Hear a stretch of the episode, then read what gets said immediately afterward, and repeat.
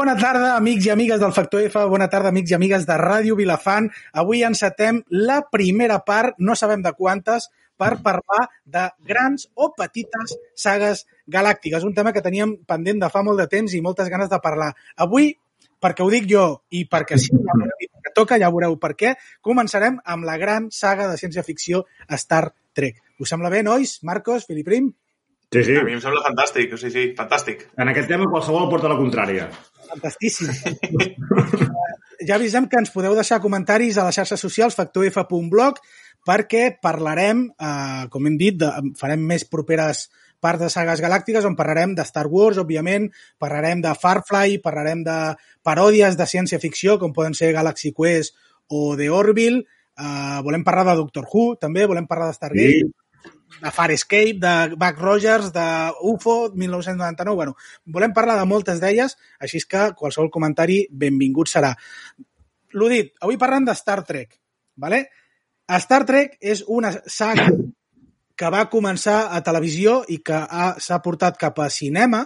Farem una mica de repassada, ¿vale, nois? M'atureu quan voleu, quan vulgueu comentar algun, alguna cosa sobre elles.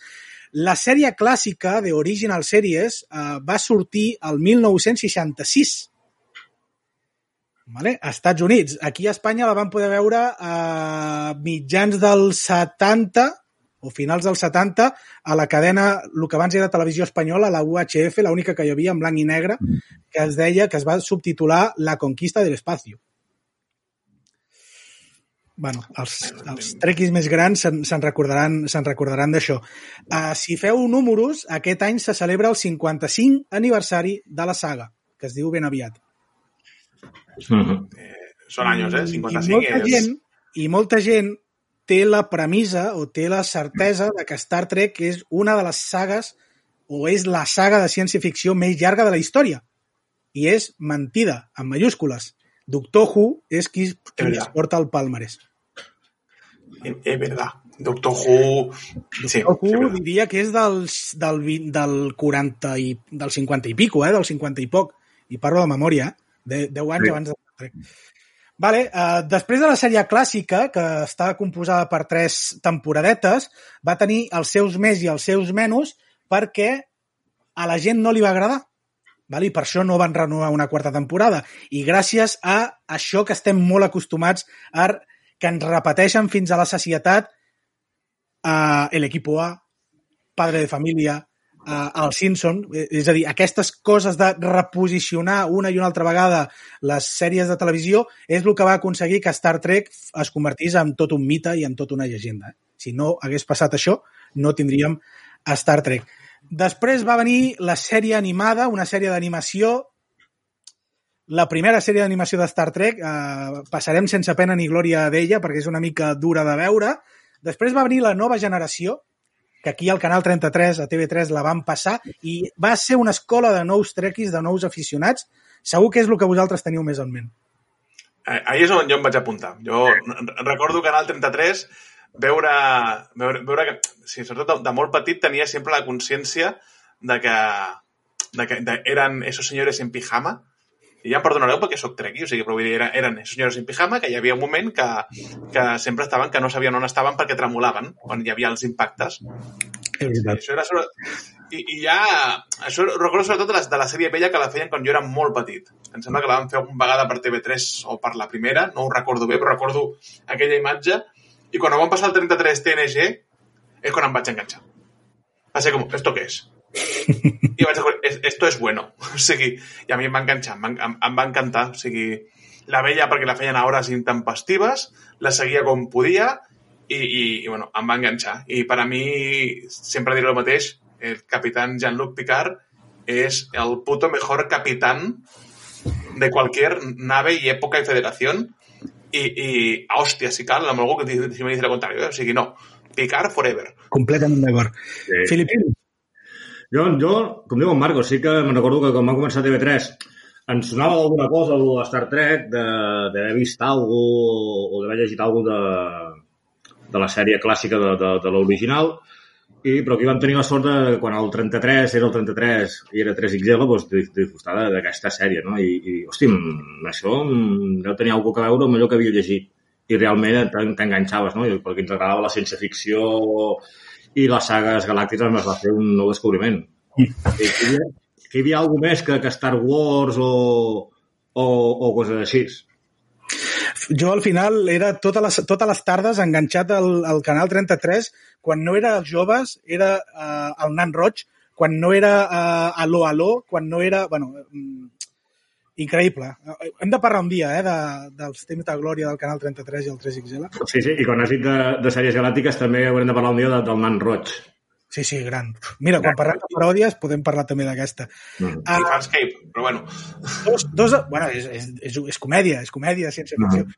Dos apunts sobre la nova generació. Uh, la primera és que, al igual que passava molt en aquella època, les dues primeres temporadetes eren un pèl fluixes, vale? els guionistes encara s'estaven assentant amb, amb els personatges i a veure què podien fer amb ells. A partir de tercera es dispara moltíssim. Per trobar més informació d'això us recomano que busqueu a YouTube un documental que es diu, en anglès, Chaos on the Bridge tal qual, Chaos, bueno, Chaos on the Bridge, que està subtitulat, el trobeu subtitulat a l'espanyol i parla precisament d'això, dels problemes que va tenir la nova generació amb les dues primeres temporades. I una cosa que va ser molt general a totes les cadenes autonòmiques d'Espanya és que la setena i última temporada de la nova generació mai va arribar a emetre's a televisió. Mm -hmm. A cap de les autonòmiques d'Espanya de, va passar això. I vam tenir que esperar que arribessin els DVDs en espanyol neutro per poder veure els últims capítols de, de la sèrie La nova generació. bueno, coses del directe, coses, coses que passen. Saltem després a, a la sèrie Deep Space Nine, Espacio Profundo 9, una sèrie que no recordo si les dues últimes si les dues primeres temporades o la primera anaven solapades amb la nova generació. Sí, anaven solapades. Jo recordo que va, durant les tres sèries, bueno, la, la, la pròxima cadira també, van jugar a solapar i sempre tenien set temporades. Sí. I la prim... estic amb tu, no sé si és la, primer, la última o les dues últimes que anaven encavalcades. I van, van aconseguir tenir sèries de Star Trek durant quasi 20 anys. I no recordo exactament. Una tonteria. temporades, però sí, en, en principi, al final d'una enganxàvem al principi de l'altra, etc. Espacio Profundo 9, no sé si la teniu més en ment, la va arribar a tirar Antena 3 Uf. 20 dies, però va tirar la meitat de la primera temporada i, cap, i, i completament desordenats. Mira aquests canals. Jo aquesta potser és de les que la tinc menys record o, o vist menys degut a això. No, no, no, no me'n recordava ni, ni el canal que, que l'havien fet. I, Però ja dic, no van arribar a emetre la primera sencera, eh? eh amb, amb un respecte, com en moltes sèries, nul a, a, a cert ordre o, o, Bueno, està acostumats a tirar sèries que són episòdiques, que tires un capítol i els dies següents pots tirar l'altre i barrejats i que, que fa molt Antena 3 i Telecinco sí. feien molt això de, de tirar-te les temporades barrejades i saltar i però, però este no estava muerto, ara este està vivo, ara què ha passat? Era un caos. Jo dic, jo vaig veure totes les sèries de Star Trek ja amb, amb més adultesa quan ja havien passat i em vaig fer amb DVDs amb les sèries en, en latino neutro. Exacte. Però jo què sé, si no, si no funciona amb horari de migdia, posa-la a les 12 de la nit, si vols. Al cap de jo, jo de, de comprar els me'n recordo de, de, de, de com feia els meus viatges a, a Girona, a la, a la llibreria 22, Uh. per còmics, que encara aquí no teníem la Bookman ni, ni res semblant, descobrir còmics de Star Trek. És veritat. De la generació, de la primera generació, de la generació clàssica, i, i encara dec tenir per aquí a casa còmics de, de, de Star Trek, que també eren, eren, to, eren uns tomos, així que recuperaven gaires de rapes, i, i, i va ser, hòstia, doncs no hi ha còmics d'això. Tots aquests còmics es van publicar a l'any 1995 de la mà de Planeta. Sí, sí, sí, sí, sí, sí, sí. I ells mateixos van anunciar bombo i platillo 1995, el año de Star Trek, perquè van publicar si no tinc mal calculat, una vintena, 20, 22 còmics de Star Trek entre la nova generació, Espai Profund nou i, i, i, i coses de la sèrie clàssica. Sí, sí. Jo, jo entenc que encara n'hi ha un per aquí a casa de, de la sèrie clàssica. Molt bé, molt bé. Uh, després vam saltar a la sèrie Voyager. Bueno, Espacio Profundo 9, diguem que no estem amb una nau espacial descobrint el misteri de la setmana de turno, sinó que estem en, en, tancats en una estació espacial i eren els misteris els que ens arribaven a les nostres portes. Una mica com passava amb Babylon 5, eh, que respira bastant. Sí, mm. aquesta també estava molt enfocada amb la, amb la guerra que havien tingut i la recuperació entre els bayoranos sí. i els... com es deien ara? Els cardassians. Eso. Los Kim Kardashian. Els Kardashianos. Era una molt fosca, com diuen Marcos, molt, molt, molt apuntada a la guerra, molt apuntada als temps oscurs de la federació, inclús, inclús veient a oficials de la federació que haurien de ser impolutos, no? que és el que ens tenia acostumat a Star Trek fins al moment, fent coses èticament dudoses. Sí, amb un capità Cisco, el primer capità negre de la, de la saga, Uh -huh. vale? o sigui, intentant trencar una miqueta de- d'esquemes i portant integració que Star Trek sempre ho ha fet. I Bueno, no primer parlat, interracial. clàssica, japonès al timó, un rus en plena Guerra Freda, també com a responsable de seguretat, i un oficial de color, també responsable de comunicació. Tu que dius això de, de, de la integració, suposo que de- d'alguna manera el fet de- d'incloure raça alienígenes també és una manera no, de, de parlar de, de, del racisme, mm, si, si ho vas dir. Hi ha, un, hi ha- un capítol de la sèrie clàssica que és una raça que uns tenen la meitat blanca de la cara i l'altra meitat negra i l'altra l'altra població del planeta tenia el, el mateix amb la cara però girat. És a dir, si tu tenies el blanc a la dreta, jo tenia el negre a la dreta. Mm. I era racisme entre ells, perquè tenien la cara totalment girada, en plan efecte mirall. Vull dir, impressionant. És l'excusa eh, que ha tingut Star Trek sempre, la ciència-ficció, per parlar temes socials, i encara ho fa. Sí, sí, sí. Encara ho fa. Um, després va arribar la sèrie Voyager, que tornàvem a recuperar les aventures amb una nau espacial, amb una tripulació, però per no repetir les coses que ja estàvem acostumats, agafem aquesta nau i l'enviem 70.000 anys junts a, a tomar por culo, vale? i coses noves que no siguin reconeguble, reconegui, reconeguble, reconegudes pels fans habituals. Sí. Eh, Una sèrie que... Digues, digues. No, sí, sembla sembla que van tirar al canal 33, però mal tirada. Va ser a TV3, el 33 no va arribar mai. Jo la tenia en TV3. català, això sí. Jo, jo recordo haver vist en, en català eh, i, i mal tirada perquè sé que no la van acabar tampoc mai. I van fer no sé si van fer tres temporades i, i ja. I també la primera temporada s'encavalcava amb l'última de, de Espai Profund Nou, Uh -huh. però en aquest cas, com és lògic, no van poder fer el que feien a vegades, que era capítols crossover o, o, on, mira, por aquí aparece Picard que ha venido a dejar algo. No, Sí, en aquest cas no ho podien fer. Perquè després, com que tenia sèrie que presentaven una, una cosa nova i diferent, que suposo que volien innovar, o, bueno, donar, donar una, un altre aire a, a la saga i era, i era avançar d'aquesta manera. Va ser el que se'ls va ocórrer, agafar la nau i enviar-la a l'altra punta. Races noves, planetes nous, problemes nous, i, bueno, jo crec que va ser un encert, perquè a mi Voyager és una de les sèries que tinc en el top 3 i, i m'agrada Sí. molt. Mm. Al principis del 2000, quan es va acabar Voyager, va venir una sèrie de quatre temporades només, fins ara, com deia en Marcos, estàvem habituats a set, on les tres primeres no tenien la coletilla de Star Trek en el títol i la van posar a la quarta temporada, que és, ens referim a Enterprise o a Star Trek en Enterprise. Enterprise era- una... Fins ara totes les sèries havien anat encadenades una darrere de, l'altra, amb, amb, amb alguns anys de diferència, però Enterprise era una preqüela, eh, parlo any amunt, any avall, un segle abans de les aventures originals d'en Kirk i l'Spock. Mm. Va ser molt criticada en el seu moment, I per mi, ara d'una cosa, és una de les millors. sí, exacte. Per, o sigui, la, la tinc amb molt bona, molt, molta estima, primer perquè uh, el capità, la, el capità Archer, l'Scott Bakula, era el de, el de viatge, viatge en el temps. El del salt quàntic. El. Salt Quàntic, una, una sèrie que han fet TV3 que, bueno, jo recordo aquella sèrie, també su- superfan d'aquella sèrie, un dia potser en parlem, Mhm. i, i clar, ve- veus, oi, mira, és el de, el de Salt Quàntic, ara és capità d'una nau. I per mi va, va ser un dels capitans eh, potser més propers, perquè encara una sèrie més propera en el temps, eh, era una terra que encara no existia a la Federació, per tant era una terra més propera a el que coneixem habitualment, i eren humans en plan más, eh, ¿qué me tienes que contar? Soy un humano, déjame en paz. I aquesta xuleria que tenia el personatge de què me vas a contar? Tu no sabes nada. I les hòsties que es fotien Jo, anaven fent els fonaments de, de, la- de, de lo que és la, la, la federació. Veus d'on surt la, el primer... Mana, ai, primer manament, anava a dir. El... Coi, lo de no intervenir. El primer... Oh, Sí, la, la regla aquesta de no intervenir amb... Sí, la primera... sí, que, que tenen un, la primera directriu. Mm. Veus el naixement de la primera directriu i d'altres cosetes que es van posant com a, com a normes en el, en el que seria Star Trek. I, i per això, per mi, és, és, és molt bona perquè està molt ben construïda el funcionament en aquest sentit. I m'agrada molt més que, que altres. O sigui, si, hem de fer un, un top, que després potser el fem, eh, top sèries de Star Trek, esta està, està arriba. Sí, sí. Jo el tinc, el tinc més blau, veus? No, no el tinc tan, tan, tan present. Pues, pues mira-te-la. El problema, el problema d'Enterprise és que no va posar-se mai en televisió normal, va anar directament a un canal satèl·lit que em penso que era el Sci-Fi Channel. Vale, Llavors, la gent li sona menys. Mm. Mm. Mm.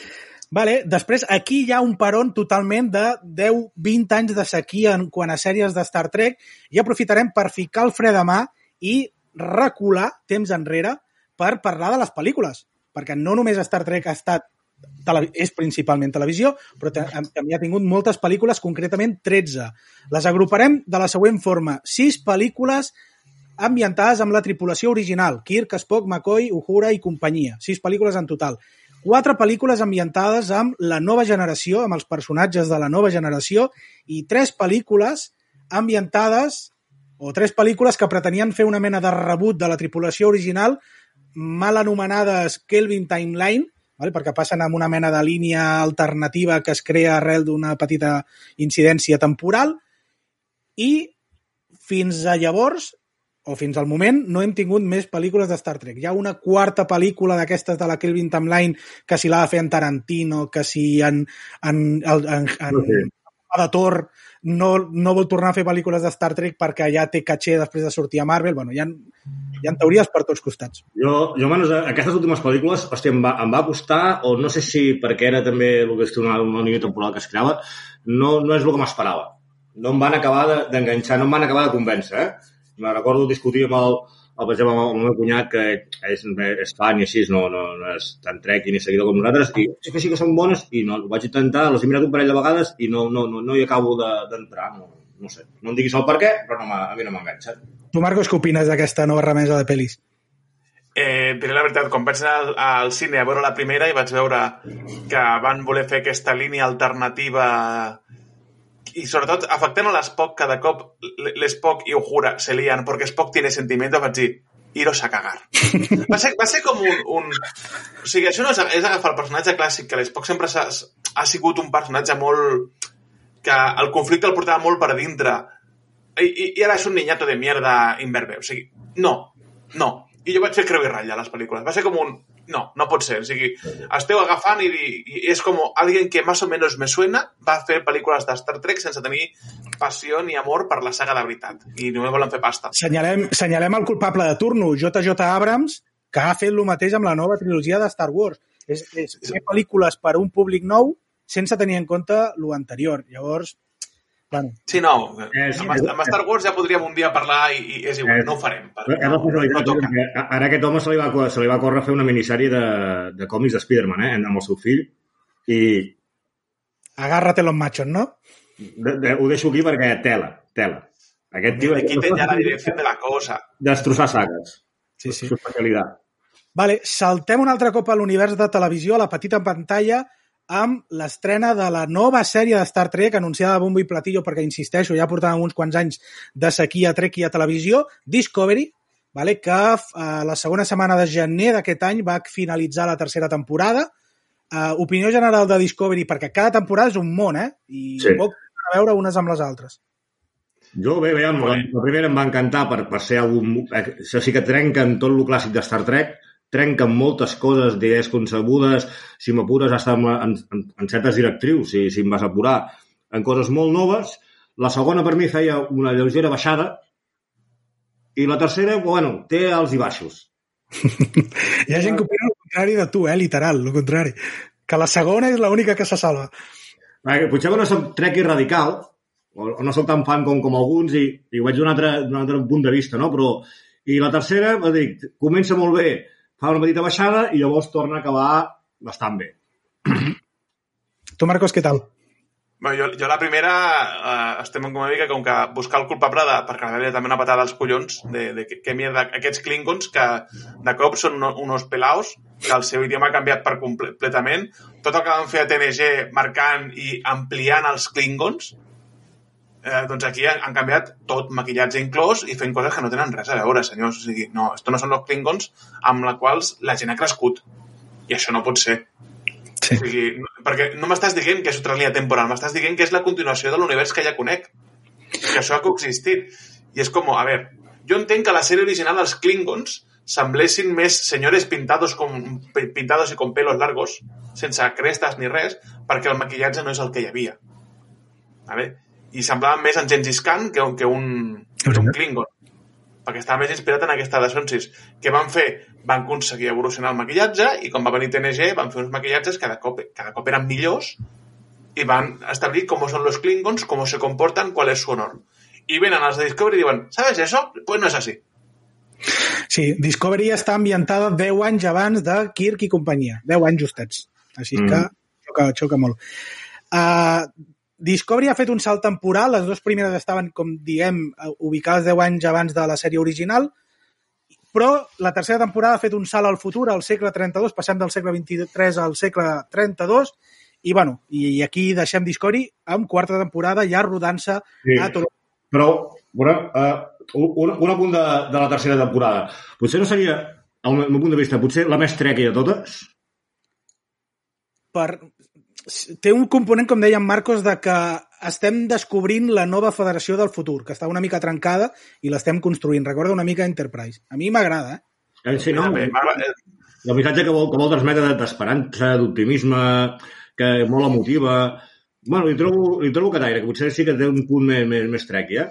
Sí. És la manera que estan fent de, de, de demanar perdó. A la segona temporada els Klingons van recuperar el pèl i van dir es que cuando estamos en guerra estamos sin pelo. Que, aquestes coses de merda. l'únic que li trobo, i aquí eh, acabo l'incís de la tercera temporada, potser si han volgut vendre la importància de la federació i, de, i del conjunt, o de la tripulació, i potser hi ha moments que se li acaba donant molta importància a la Burman. O aquesta obsessió de, de donar-li protagonisme a ella. És la crítica que porta arrossegant Discovery des de fa molt de temps, que no és coral, no, no, no es compensa amb la resta de personatges. No, no, et volen fer, fer, fer... Mira, la Burman és una capitana, és de color, és la mejor capitana del mundo, és la millor... I jo dius, la Burman és una engraïda de merda. Ho sento. Ho sento. Ho havia de dir, per mi és així. No, és un personatge que no m'agrada. M'agrada, o sigui, el doctor m'encanta, la relació que té amb, amb, amb el seu pare està superben feta, el- l'altre, el- o sigui, la- l'enginyera, que és una borde, també m'encanta, el, Gran Reno. el, el capità el capità és increïble, Sí. o sigui, per fi li hem donat un paper d'importància a aquest actor, que sota la màscara és el mismo que, que el de... Hòstia, ho diré. El de no sé què de l'aigua, no? El monstruo de l'aigua. Sí, sí, sí, El monstruo del agua i altres pel·lícules, eh, Benicio del Toro el té com a fetitxe i és un... i sortia també a, bueno, a Hellboy fent de, de, de senyor Pez. Sí. Uh, vam tenir també una sèrie ubicada una miqueta en el futur després de la nova generació, després d'aquestes pel·lícules de la nova generació, ambientada amb el gran personatge de Jean-Luc Picard, el mirall ja retirat, que s'empesca una missió personal per qui hagi vist els, no direm cap spoiler, eh, qui hagi vist els trailers uh, ja, ho, ja ho haurà vist, per anar a trobar informació del seu amic Data, aquest ésser cibernètic, aquest robot positrònic, vale? més humà que d'altres humans. Aquí ho deixarem. I el nou que ja teniu disponible a partir del divendres 22 de gener a Amazon Prime és la segona sèrie d'animació que ens dona Star Trek, que s'anomena Lower Decks, una sèrie ambientada amb la nova generació, respira la nova generació per tots costats, amb 50.000 guinyos i ous de Pasqua per tots costats, amb tota comèdia, perquè el productor és Mike McMahon, el mateix de Rick and Morty, i són 10 capítols que es veuen molt ràpids, veieu-los, Molt. No Molt és la tripulació, són els curritos, els mindundis, són els alferes de baix nivell, com viuen el seu dia a dia i és molt divertit. Els Cerritos, no? És la, la, la USS Cerritos. Cerritos. És, Sí, sí, tu que deies tu, creador de, de Rick and Morty, l'animació recorda molt a una altra sèrie d'animació de ciència-ficció que és Final, uh, Final Space. Final Space.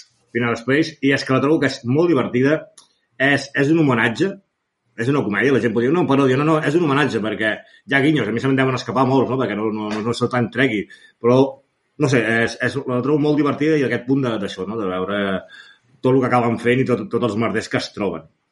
Sí, sí. És recuperar aventura pura i dura. És que és, és com veure la vuitena temporada de la nova generació, ho sento, eh? No, no, Sí, sí, sí. Eh, eh, eh, és fer una continuació, és un homenatge, és carinyo, és Final Space amb llicència de Star Trek, o sigui, és tal qual, o sigui, si, també podeu veure Final Space, que la teniu a Netflix, i veureu de lo que estem parlant. Una sèrie de, també d'animació a l'espai. Eh, és genial, té tocs de, de l'absurdisme, o sigui... Jo, quan va, la van anunciar, vaig dir... Uh, volen fer una sèrie amb toc de comèdia de Star Trek, miedo me da.